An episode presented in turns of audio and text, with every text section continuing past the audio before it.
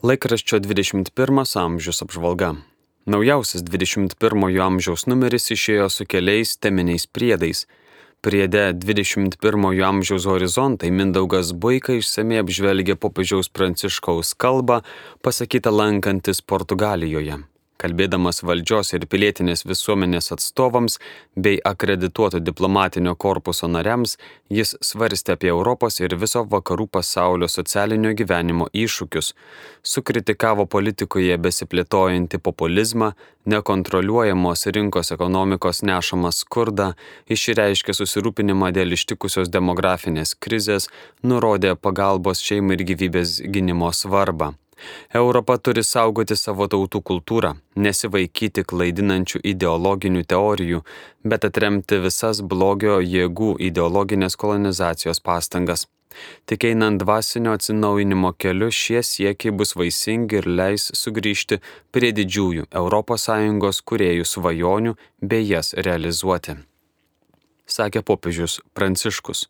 Šventasis tėvas tvirtino, jog šiandien išvystame vakarų pasaulyje žmogaus gyvybei vis didesnę grėsmę kelia šliaužiantis utilitarizmas. Todėl gyvybė vis dažniau dirbtinai kuriama, negailestingai išnaudojama ir naikinama, formuojant pasibaisėtiną silpnųjų atmetimo kultūrą.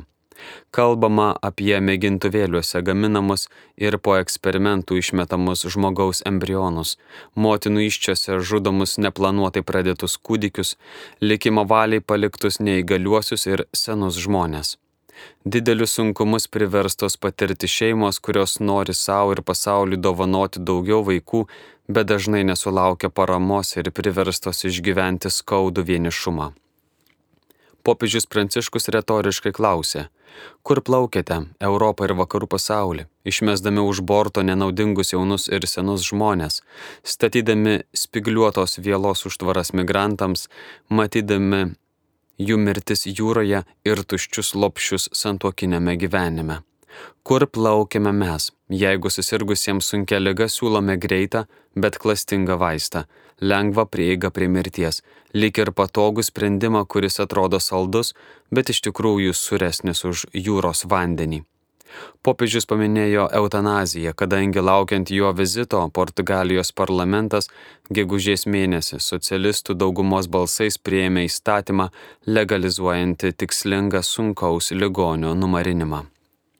Portugalija tapo šeštąją Europos valstybę įteisinusią sunku Dievo įsakymo nežudyk pažeidimą, nes kaip moko bažnyčios magisteriumas, eutanazijos praktikavimas nepriklausomai nuo aplinkybių atitinka savižudybę ar žmogžudystę. Laikraščio priede Kristus ir pasaulis tas pats autorius primena popiežiaus pranciškaus įgalioto pasiuntinio Italijos viskupų konferencijos pirmininko Bolonijos arkivyskupo kardinolo Mato Marijos Dzupio misiją Maskvoje, bandant spręsti Rusijos ir Ukrainos karo humanitarinės problemas. Jis sukėlė didesnį dėmesį Rusijoje ir vietinės katalikų bendruomenės gyvenime. Prieš kardinolo Dzupio vizitą Rusijos katalikų vyskupų konferencijos pirmininkas, italų kilmės Maskvos arkivyskupas Paolas Pecis interviu šalies žinių agentūrai RIA Novosti priminė Rusijos katalikų statistiką, pateikė duomenis apie dalyvavimą pamaldose bei atskleidė paskelbtos dalinės mobilizacijos įtaką tikinčiųjų bendruomeniai. Paklaustas dėl Rusijos katalikų dvasininkijos reakcijos į vadinamąją ypatingąją karinę operaciją, kaip Kremliaus režimas įvardijo agresyvų išpolį prieš Ukrainą, arkivyskupas Pecis diplomatiškai pastebėjo, kad nuomonių buvo įvairių. Rusijos vyskupo viskupų konferencija dėl to padarė du oficialius pareiškimus. 2022 m.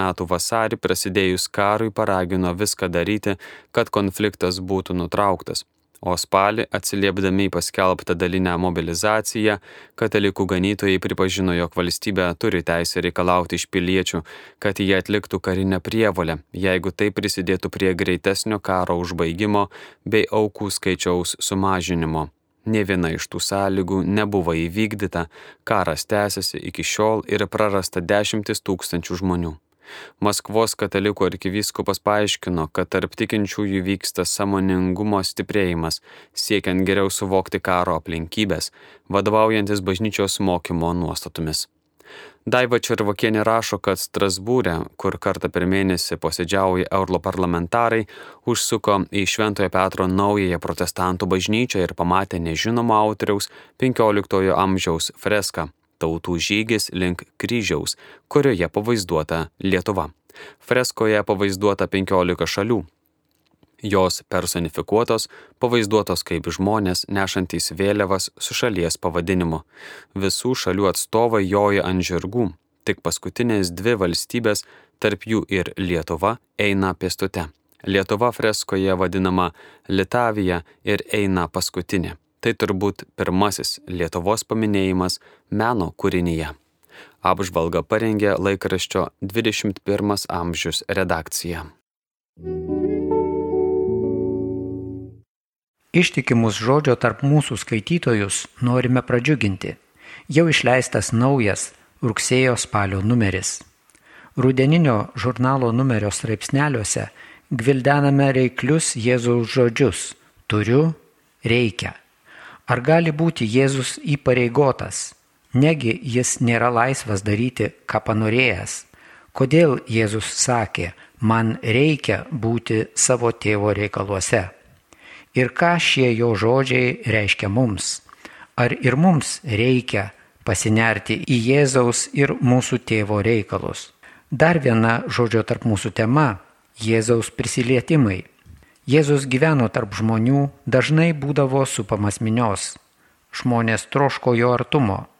Ir jis juos liesdavo, gydydamas, drąsindamas, skatindamas įsitikinti ir įtikėti. Kaip Jėzus liečia mus šiandien, kokią žinę perteikia Jėzaus prisilietimai. Apie visą tai skaitykite žodžio tarp mūsų rugsėjo spalio numeryje.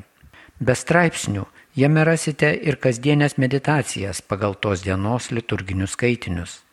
Vilėmės, kad jos padės į save, kitus ir pasaulį žvelgti Dievo akimis, savo širdies tvinksnius suderinti su Dievo dvasios plasdėsiu. Žodžio tarp mūsų ieškokite katalikų knyginuose ir savo parapijose. Paraginkime Dievo žodį skaityti bei jį apmastyti ir savo draugus ar kaimynus.